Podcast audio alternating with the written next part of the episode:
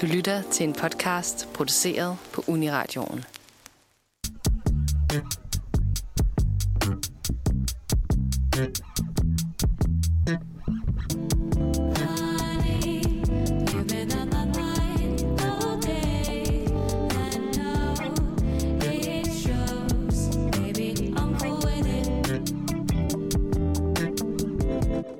Du lytter til Kulturcocktail, en podcast, der giver dig et mix af kulturelle nyheder, historier og diskussioner. Dagens værter er Sinead Shazard. Melissa Høgh Marker. og mit navn er Ida Pedersen. Programmet er bygget op på den måde, at vi hver især har en historie med af sådan cirka 10 minutters varighed. Og i dagens program, så skal vi kigge lidt på viral marketing i form af trends på TikTok. Vi skal snakke om 101-året for genforeningen i Sønderjylland. Og så skal vi snakke en smule om karaoke i Danmark og et håb om, at det måske kan gøre et comeback. Til allersidst i programmet, så skal vi på en lille rejse til TDC's kantine på Tejlholm i København, hvor en kok han har mistet sin lugte- og smagssans i forbindelse med coronapandemien. Han har altså været coronaramt og har mistet øh, sanser, som er afgørende for, at han kan udføre sit arbejde.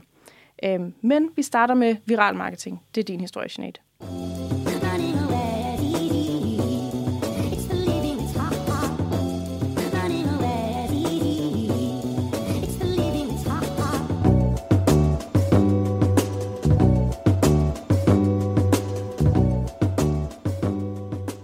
Yes. Vi skal jo snakke om TikTok, øh, som jo er en app, der bliver brugt til at dele små videoer, som før i tiden har maks måtte vare 60 sekunder, men som nu godt kan komme op på 3 minutter. Men det er en platform, som millioner, milliarder mennesker bruger hver dag. Øh, der har en vis underholdningsværdi, men nu også en marketingsværdi. Fordi at det, der er sket på det seneste, det er, at øh, den sang, som I lige har hørt nu, øh, Øh, er blevet del af en trend, hvor man laver en lille video, øh, som har en quote, og som slutter af med et logo. Øh, og det handler om, at øh, Adult Swim, som er en betalingskanal i USA, de har, øh, der, der, det har eksisteret i rigtig, rigtig mange år. Og jeg tror, det var sådan noget, folk de så i USA, da de var, da de var yngre, efter forældrene var gået i seng, så, øh, så var det sådan noget for, for de voksne. Og der havde de sådan noget, der hed bumps eller breakers ind imellem deres udsendelser eller reklamer, hvor der kører en lille video med noget skrift på, og slutter den af med Adult Swim-logoet, som enten bare er Adult Swim eller AS i sådan nogle brackets. Og det er jo en utrolig nem format at kopiere. Og øhm, jeg tror, det var på grund af den sang, vi lige spillede før, at folk blev inspireret til at lave deres egne øh, versioner af, af de her små bombers, fordi det er netop den form for stemning, der har været i, i, de, her, i de her videoer dengang. Øhm, så på grund af den nostalgiske værdi, og fordi at den her format er så nem at kopiere, så er det bare eksploderet på TikTok øh, her for nyligt. Folk de laver alle mulige slags videoer, og prøver på alle mulige kreative måder at få det her logo til at poppe op til sidst. Alle sammen til den her sang, og med øh, hashtagget Adult Swim. Det er lidt svært lige nu at sige, hvor mange videoer, der, øh, der er blevet lavet med det, fordi der er nogle variationer af, af hashtagget som Adult Swim eller Adult Swim Challenge, øh, eller Adult Swim med et E, hvis man har stadig forkert. Men jeg kan i hvert Er fald der mange, der har det? Der er der i hvert fald øh, videoer med 1,4 millioner views, der har. Okay. Øh, altså en forkert variation. ja, okay. men øh, Wow. den rigtige version, version af hashtagget er blevet brugt, øh, er i hvert fald blevet set øh, op til 2,3 milliarder gange. Øh, Så vil det sige, det er det videoerne sammenlagt, der har fået så mange views? Præcis. Okay. Øh, så ja, det er jo blevet brugt virkelig, virkelig meget. Og det har så startet lidt af en, en, en samtale, eller, samtale eller en debat om, om viral marketing. Fordi det er jo ikke Adult Swim, der har startet den her trend, eller som har betalt nogen for at starte den, eller noget som helst. Eller som har betalt dem, der har brugt den. Så de får i princippet den her kæmpe marketingskampagne gratis. Og det får bare egentlig til at tænke sådan, hvordan er det, det her sker, og, og hvordan bliver noget viralt, og hvordan kan man cater til sit publikum? Fordi altså, viral marketing, det er essentielt bare promotionen af et brand eller et firma, som er drevet af publikummet. De genererer selv indholdet, og de får så, og så dem, der øh, øh, det brand, det omhandler, får så spredt den her gratis marketing igennem dem. Øh, men det er jo ikke noget nyt, at, at man kan bruge virale trends til at sprede ting. Altså, der har jo været, det har været brugt til at blive spre, øh, spredt awareness, som for eksempel Ice Bucket Challenge. Øh, Det er den der, hvor man får altså, Ja, is i hovedet. yes. Ja. Øh, der spredte noget om, om, om en, øh, en vel, øh, ikke en velgørenhed, men om et, øh, en sygdom, der skulle have noget støtte. Jeg kan ikke huske, det var, en, det var en noget ALS. Mm, ja. Eller for eksempel Coney øh, 2012. Det var også en viral trend, hvor alle folk bare hoppede på og fik lavet alle deres øh, versioner af, af Safe. De her folk, som, øh, som Coney Fra en diktator, ikke? Ja, ja, noget lignende det. Ja. Jeg tror ikke helt, folk vidste, hvad der var, der foregik. øhm, og så det er jo også noget, vi ser nu, som for eksempel altså danse, der bliver brugt til at promovere sange. Hvis du, hvis du får en dans, der bliver viral, så kan man jo bruge den samme lydbid igen og igen og igen, og folk får den på hjernen, og lige pludselig så bliver, går sangen viralt og sådan noget.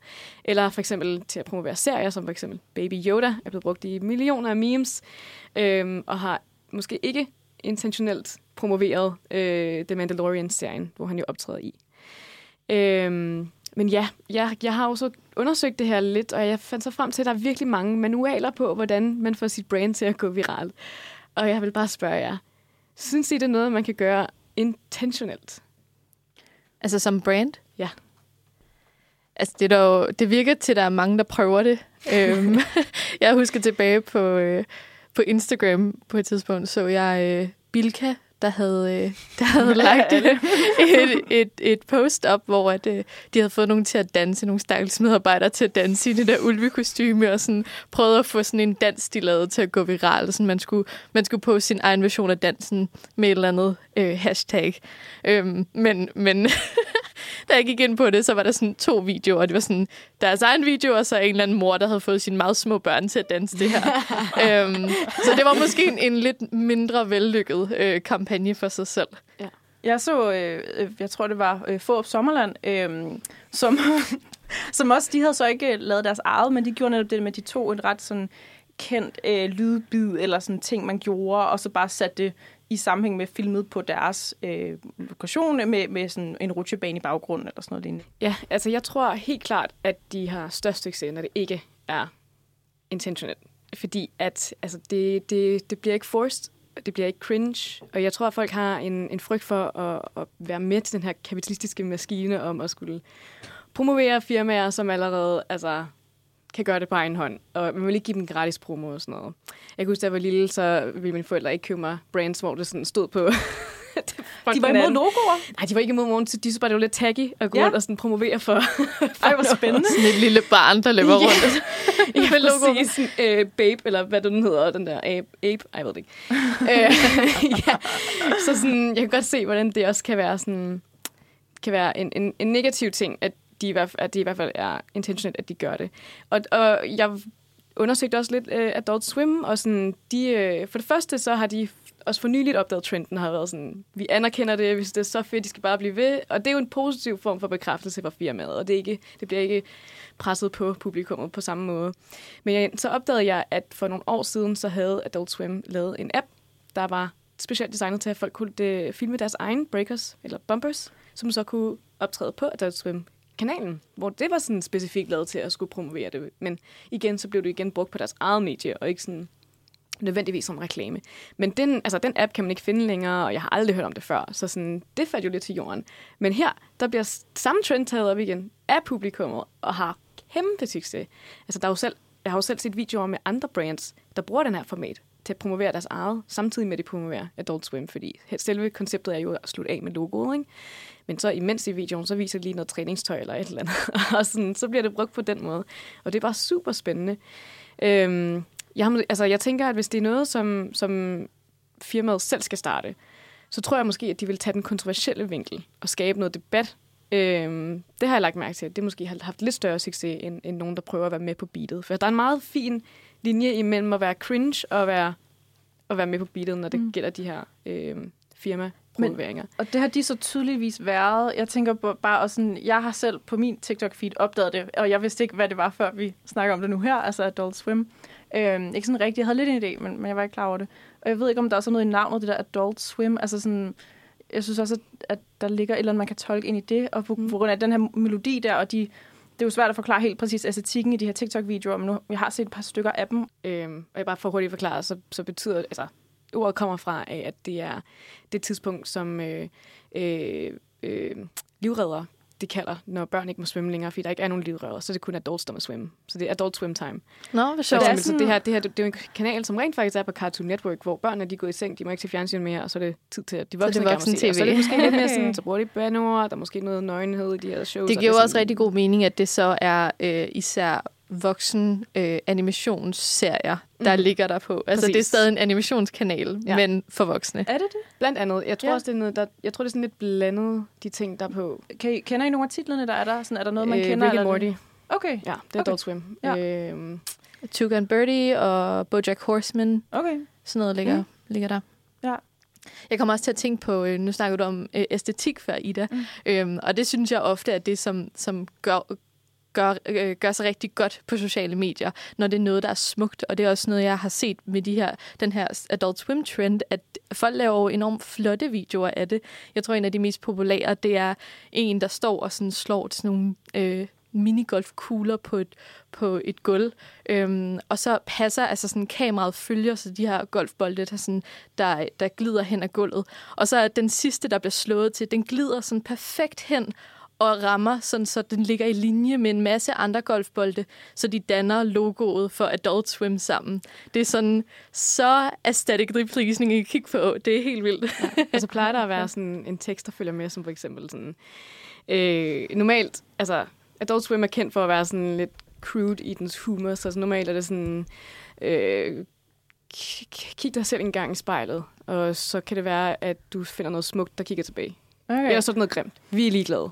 Okay, Og så okay. kommer der sådan en Adult Swim-logo. Og så for eksempel den der video, Lisa de snakkede om, så, så det var meget sødt. Det var sådan, det kan godt være, at du ikke altid passer ind, og så de der bolde passer ikke ind i et eller andet, og så slår han til bolden igen, og så står der sådan, but sometimes you might fit, fit in perfectly, og så passer bolden så lige præcis ind der, og så kommer der Adult Swim. Igen, Ej, det er en format, som er super simpel, men du kan rekreere den på så mange måder, som vi jo kan se på TikTok, og det er jo det, der gør det fedt.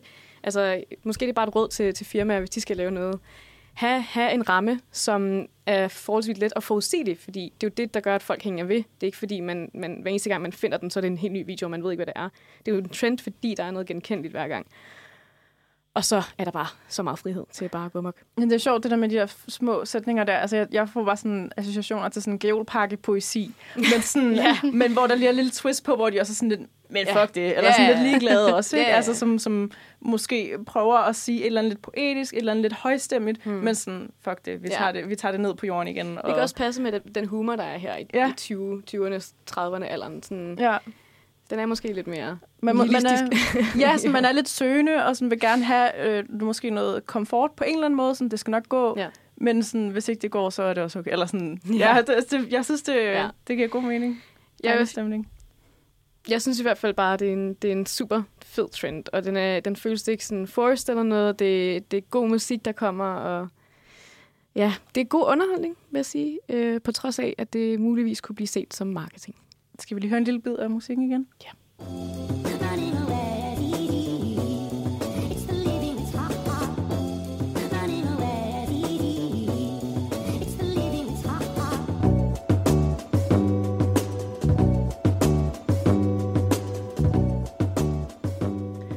Nu skal vi snakke en lille smule om øh, genforeningen i Sønderjylland. Øh, det bliver lidt mere, jeg vil ikke sige langhåret, men øh, lidt mere historisk. Hvad snakker du om? Vi elsker kongefamilien. Kongefamilien, det er netop lige præcis det, vi skal hen til. Øhm, fordi at øh, i dag blev det markeret øh, her den 13. juni, at, øh, at det er 101 års, øh, ikke dagen i dag, men sådan her omkring 101 år siden, at der var en gen, altså genforening mellem Sønderjylland øh, og, og det resten af Danmark. Altså, øh, det var jo sådan, at i 1864, slaget ved Dybelmølle, der taber man en del af Danmark. Øhm, og øh, efter Tyskland taber Første Verdenskrig, så bliver Sønderjylland altså genforenet med Danmark øh, i, på baggrund af en folkeafstemning i de berørte områder, hvor man bliver enige om, at der er altså nogle mennesker tilbage her i Sønderjylland, der på det tidspunkt, eller på et tidspunkt har været tysk, som stadig føler sig danske og hellere vil være en del af Danmark. Øh, så nu er der jo et, et øh, mindretal dernede af dansk og tyske mennesker, så, så det er ligesom en, øh, et, et, en historisk sted i Danmark, og, øh, og noget, som det giver mening, at hele nationen gerne vil fejre. Øh, Øh, og det blev udskubbet, eller hvad hedder det, skubbet en smule, fordi at, øh, man ville egentlig gerne have markeret det ved 100-året, som var sidste år, men på grund af corona kommer det hele til at ske øh, den dag i dag. Øhm, og jeg så noget tv i morges, hvor at, øh, det, det helt store, der sker, er jo, at selvfølgelig øh, dronning Margrethe og prins Frederik og prins Christian, Frederiks søn, de skal jo selvfølgelig være med til at markere dagen, fordi det, der historisk skete, var jo, at Christian den 10. han red over grænsen, øh, altså den daværende grænse på en hvid hest. Øh, og det var meget historiske billeder. Det er faktisk ret sjovt. Man kan, altså der er foto af det, selvom det var i 1920. Øh, og det er et meget historisk øjeblik. Øh, det, de skulle i dag, så der var både taler og sang, og øh, live-dækningen kørte jo på DR øh, mere eller mindre hele dagen. Øh, og der var blandt andet også en lille bid, jeg synes var rigtig interessant, fordi det her med grænse, øh, øh, grænsedragningen hedder det, altså det med, at man trækker grænsen fra et sted til et andet, øh, og hvordan vi markerer det med, at man kommer ridende øh, på hest eller i karat. Øh, I dag der kommer Margrethe, eller hun kom, øh, dronning Margrethe kom ridende i karat og krydser grænsen. Øh, og øh, det synes jeg bare var sjovt, det her live-dækning med, så skulle man jo også lige fortælle lidt hister her, nogle sjove fortællinger, og der blev så snakket omkring de her heste, der er med i det, at dronningen hun krydser grænsen. Og øh, jeg har et lille klip her. Øh, og så vil der være seks hvide heste fra den kongelige stalletat, som øh, trækker karetten. Øh, og så er der faktisk endnu en hvid hest, som er i reserve, hvis nu en af hestene skulle skiftes ud. Ja, det er det, jeg har- siger. Der er en, en hest, der er altid i reserve, hvis en, en af hestene bliver... Ja, eller andet går i stykker og går i stykker, hvis en hest går i stykker. Men, øh, Så er man klar til at afkalke en mere og, og, og sætte den ikke? Og de er indkommet i øvrigt øh, allerede torsdag, øh, hestene, og har så øget ruten. Det synes jeg er ret fascinerende øh, lige frem til nu.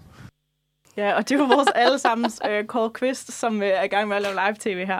Og jeg synes bare, det er sjovt, at øh, man har jo selvfølgelig en masse former for... Øh, altså, jeg skal sige, det jeg i bund og grund synes er interessant ved den her historie er, øh, hvad hedder det, live-dækning af det, og generelt bare, hvad det egentlig var, der skete med den her øh, grænsekrydsning og det med hestene. Øh, men man har i hvert fald en masse sådan nogle klassiske DR-værter og nogle forskellige eksperter, der kan udtale sig om kongehus og hestene osv. Og jeg synes, klippet her var sjovt, fordi de jo tydeligvis ikke lige ved, hvad de skal sige, når en hest den ikke virker, eller hvad de kalder det. Øhm, og det var sådan virkelig fedt at se. Jeg tror tit, at folk har sådan med, med live-dækning af, af sådan nogle her begivenheder, at man synes, det er sådan lidt, kan I også lave fem timers live-tv på, at nogen skal ride over en grænse, sådan slap nu af. Øh, jeg synes i virkeligheden, at sådan noget her form for tv er virkelig spændende, fordi man får lov til også at dykke lidt ind i sådan nogle lidt mere nørdede ting. For eksempel, hvor mange heste der er, og det er, at det er hestene, de har trænet den her rute. Hvad hedder de? for eksempel. Øhm, jeg, jeg går ikke ud fra, at I har set noget og livesending her fra, fra Dybel Mølle Nej, og øh, fra svært.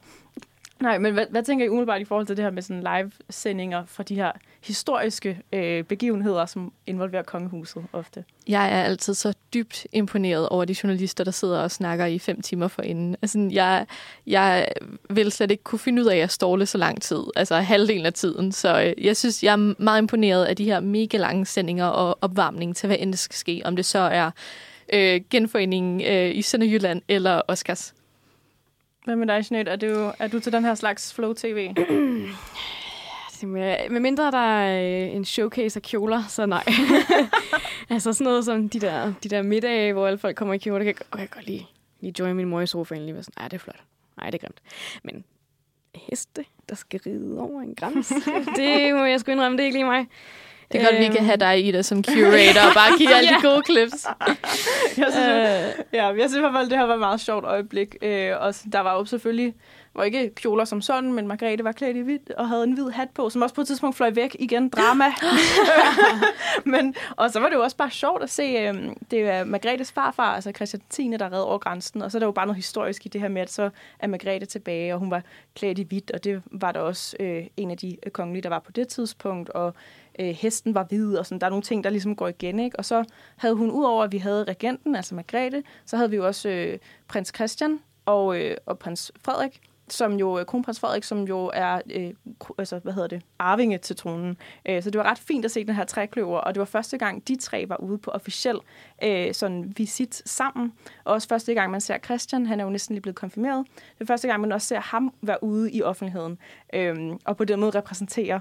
Øh, så han glad ud. han så rigtig glad ud. øhm, Der var du klar på. nu lyder det bare, som om jeg er sådan en journalist fra Billedbladet.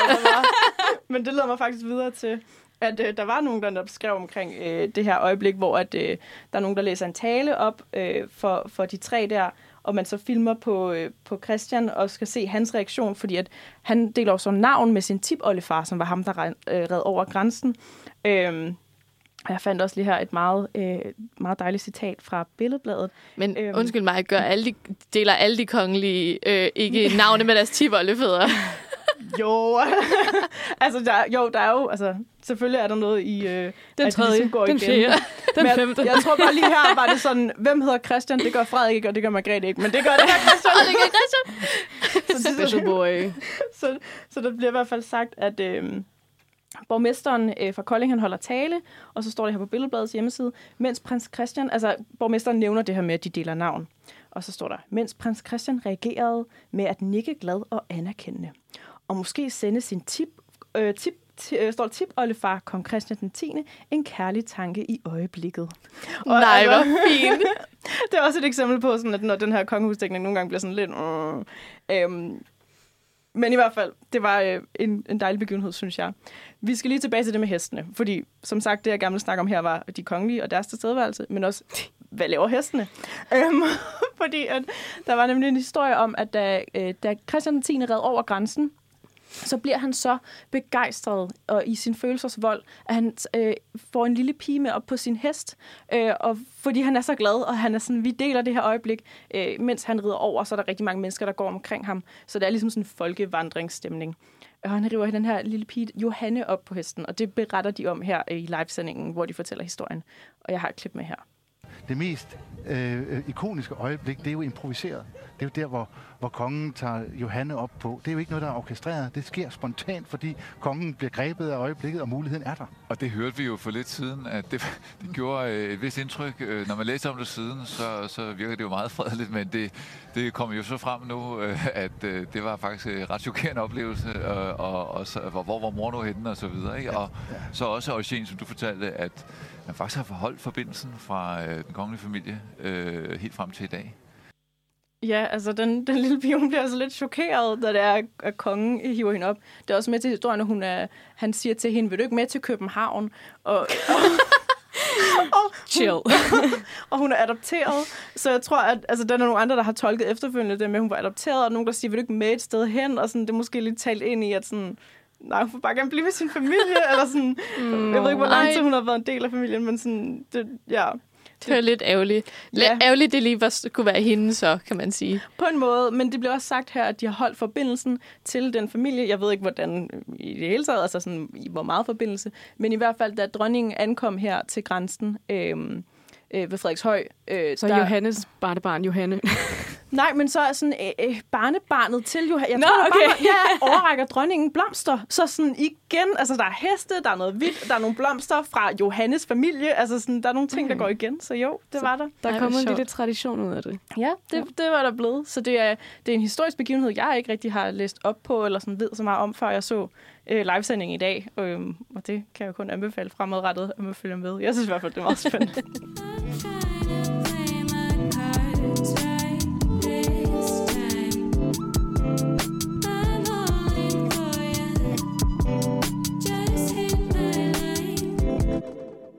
Den sidste historie, vi skal til, det er ikke så meget en nyhedshistorie, som det er lidt et, et indblik i en, en kultur, og lidt et håb om, at den kultur måske kunne blive en del af øh, det danske øh, byliv. Jeg skal snakke lidt om karaoke, og hvordan den, den spæde start, og hvordan det foregår øh, nogle steder i Asien. Men jeg vil lige starte med at høre, sådan, hvad er jeres forhold til karaoke? Øhm, jeg er kæmpe fan af karaoke. Jeg har faktisk allermest sunget karaoke her på Uniradioen. Øhm, her i det her studie. Øhm, men jeg har ikke gjort det så meget ude, og det synes jeg er virkelig ærgerligt, fordi jeg synes, det er mega sjovt. Så jeg gad godt at synge mere karaoke. Hvad med dig, Sinead? Altså, jeg har prøvet det både i Kina og i Korea, Sydkorea og muligvis i Japan. Det kan jeg ikke helt huske. Øh, og jeg synes, det er sjovt. Rigtig sjovt. Øh, jeg gjorde den der her for et par uger siden på mit kollegie. Der havde vi, der lånte vi en lille karaoke-mikrofon og, og lavede noget improviseret karaoke. Øh, jeg må du sige, at hvis jeg kunne vælge mellem en karaoke-aften og en dansaften, så ville jeg vælge en dansaften. Det er stadig sjovt. Det er sjovt, I nævner det med, at I har, har lavet det for nylig, du Ida her på, på radioen og Sinead på dit kollega. For jeg føler, at der er, der er lidt en, en noget her, som, som kunne blive øh, eksportere det en lille smule, hvis man havde pengene til at starte et sted. Øhm, men, men jeg vil lige gå tilbage til historien og hvordan karaoke startede, bare så vi kan få en introduktion til, hvad det er. Øhm, og, øh, og som man måske kan høre på navnet, så det er et, et koreansk ord, øh, karaoke, men det, øh, det kommer, eller konceptet kommer faktisk fra USA. Øhm, det startede i, øh, i 60'erne, hvor der på NBC var en tv-serie, der hed Sing Along with Mitch, øhm, som vi lige kan høre et lille klip fra her.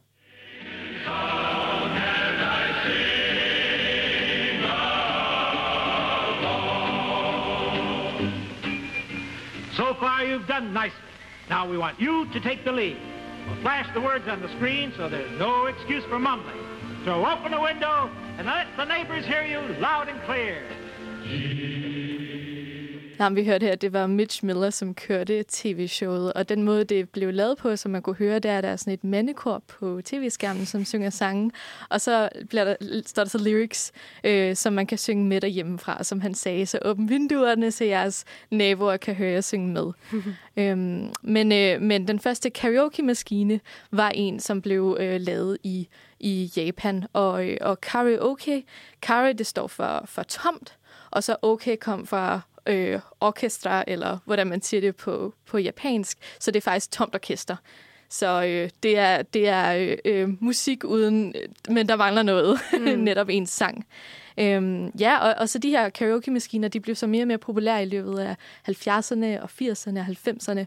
Og, øh, og så ved jeg ikke, om I kan huske det, men i nullerne så kom der jo øh, SingStar og Karaoke Revolution Åh, til ja, ja, ja. PlayStation. Øh, det kan jeg i hvert fald huske, at jeg selv har sunget meget sådan i SFO'en, og, og noget, man, hvis man var heldig, havde man det derhjemme. Jeg ved ikke, om I kan huske selv at have sunget det. Jo, jo, jo. Jeg havde den øh, Hans Muskel version. Øh, og andre Fedt. Disney, altså Disney hits. Ja, det var stort. Ja, jeg har også sunget det til et par fester. Det er god Og, så, underholdning. og som barn.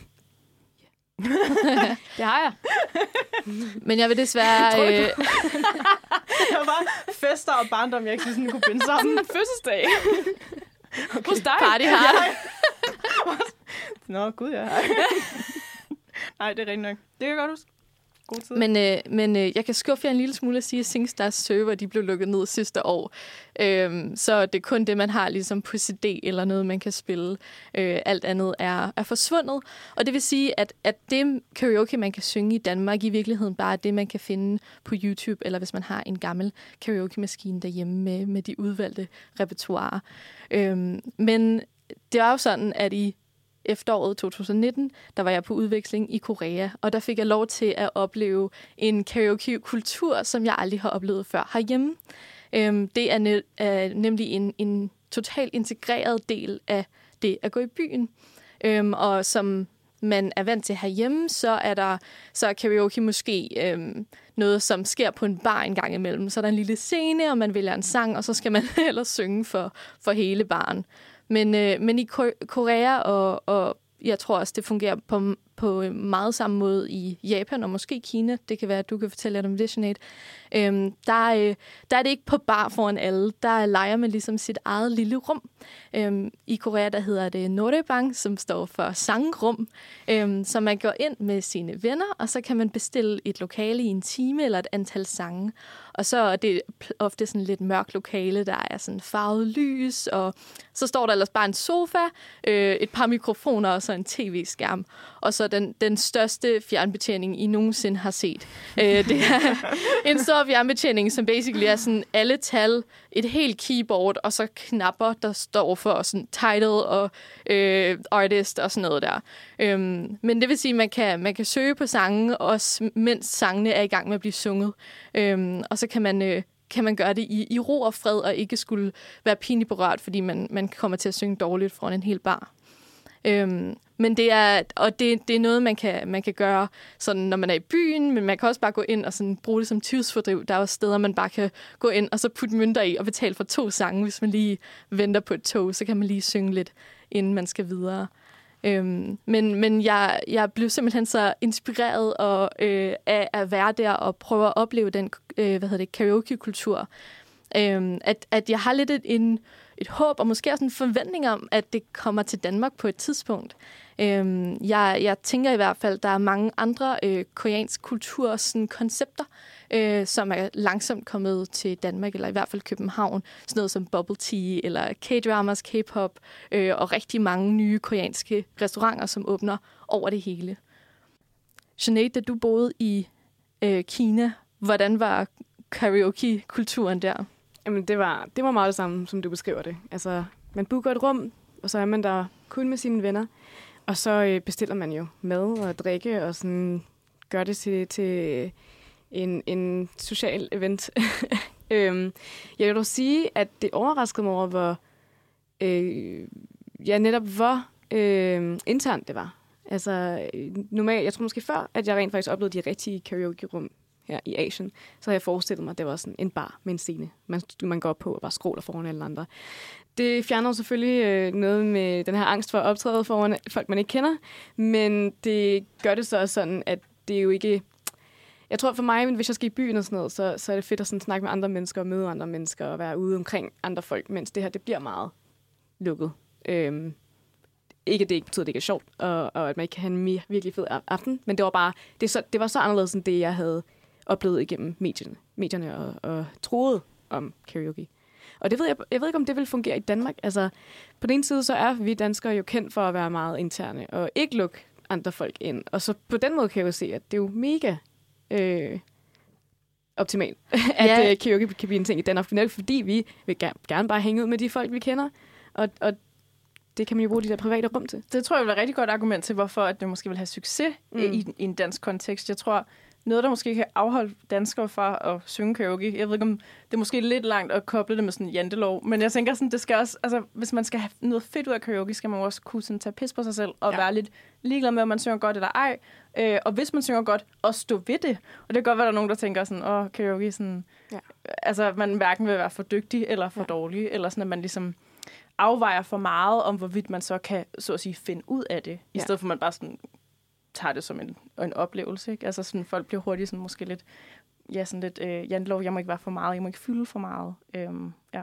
Ja, det var faktisk også en egenskab, jeg virkelig lagde mærke til, både i Asien og i Sydkorea. Overhovedet ikke for at generalisere eller noget, men selv, øh, selv den mest generte pige kunne stille sig op foran andre og, og, og synge med på de her sange, og bare stå ved det, og bare, øh, altså fordi det bare var så integreret en del af kulturen, at det gør man bare, og det er ikke noget, man dømmer hinanden for, eller øh, griner af, eller noget, så sådan, det, det kræver nok også en, en dyb øh, Ja. ja. tolerance. I virkeligheden kan det godt være, at der skal ske lidt et andet kulturelt skift i danskers mentalitet, inden det rent faktisk bliver en mulighed. Det der med, at, at det at synge ikke så meget er en aktivitet, ligesom at spille brætspil med sine venner, som det kunne være. Altså det at synge med sine venner kunne være lige så meget en aktivitet som at spille brætspil, men det er det ikke lige nu. Men det minder mig om, at da vi var i Sydkorea, Melissa, så var vi også øh, på en brætspilscafé. Og igen, helt andet koncept. Jeg ved ikke, om I kender øh, Bas, Bastard? Bastard? Jo, Bazaar Café. Øh, det, var- der er det jo der, hvor at man kommer og finder et spil, og så er det jo bare et kæmpe åbent rum, ligesom en bar, hvor man sidder og spiller. Men igen, i Sydkorea, du booker et rum. Du sidder kun med dine venner omkring et bord, og så får du et par, en time eller to øh, betalt tid til at sidde og spille de her spil. Og igen, så bestiller man drink, så man bestiller snacks og sådan noget. Men meget internt, øh, som det samme med... med Jeg vil sige, jeg har også, jeg har også prøvet at være på en, en mere normal, normal i dansk forstand, øh, brætspilscafé, der var lidt mere åben. Men det er nok, vi var sådan et sted, hvor det var, det var meget sådan, så booker man bare til sine venner. Ja, det var meget overrasket over, Ja, at ja, det også eksisterer. I dansk kontekst er der vel, altså Sam's Bar er vel den eneste bar, jeg lige umiddelbart kender, der har sådan fast karaoke. Gud ja. Ja, og det er jo, det er jo sådan en åben rum og en øh, lille scene og en mikrofon, der står. Øhm, Det var sådan en vestiske version af det. altså, ja, meget simpelt. Sådan, Ja. Der har jeg været en gang, tror jeg. Og jeg Sang kan ikke du? engang, måske jeg sang et nummer, men jeg tror mere, jeg var sådan, øh, sang, sang den sådan sammen med en anden, eller sådan noget igen, sådan, så skal man lige have en med, fordi det er lidt pinligt måske at stå der selv. Eller sådan, Ja. jeg tror bare sådan, vi danskere er måske for selvbevidste til Jeg at tror kunne også- give 100% ind i det. Så er der også det med, at hvis man tager på bar, så vil man måske hellere have øh, rigtige numre kørende øh, som baggrundsmusik, når man sidder og snakker, end når man går ind på en bar, og så hører man bare fremmed stå og scrolle. så er det måske lidt federe at være et rum, hvor man er sådan, okay, hvis der er nogen, der skal stå og scrolle, så skal det være mine bedste venner. Nej, det er faktisk en virkelig god point. Det tror jeg faktisk vil afskræmme mig virkelig meget. Ikke fra at synge, men fra at rent faktisk sidde der. Ja, Altså, ja. I'm out. Bare gå ind, synge tak, gå igen. Ja. Næste bar. Ja. Det er nok rigtigt nok. Men vi kan håbe på, at der kommer mere karaoke til Ja, Danmark i hvert fald. lad os det kunne være fedt at blive klogere i hvert fald.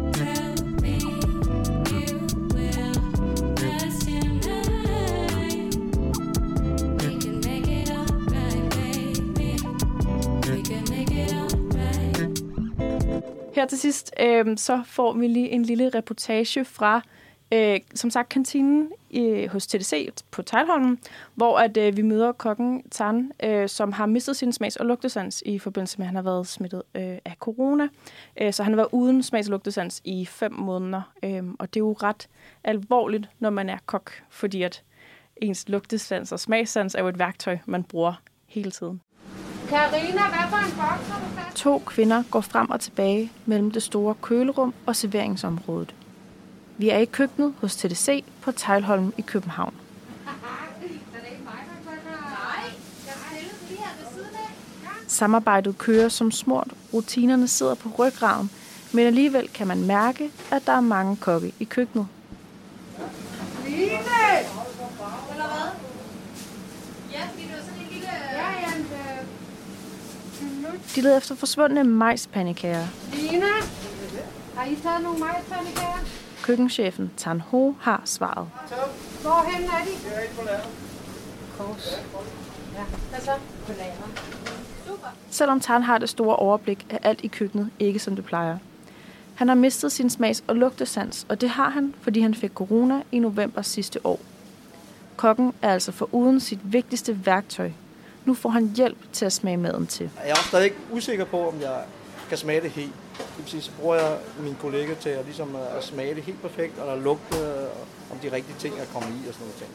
Eftersom han ingen lugtesans har, er der brug for mindst to kokke i køkkenet. Reportagen var produceret af Amalie Tejls Ubel og mig. Det var alt, hvad vi nåede for dagens program. Tak fordi du lyttede med. Programmet var produceret af mig, mit navn er Ida Pedersen, og med i studiet var Melissa Høgh-Marker og Sinead Shashat.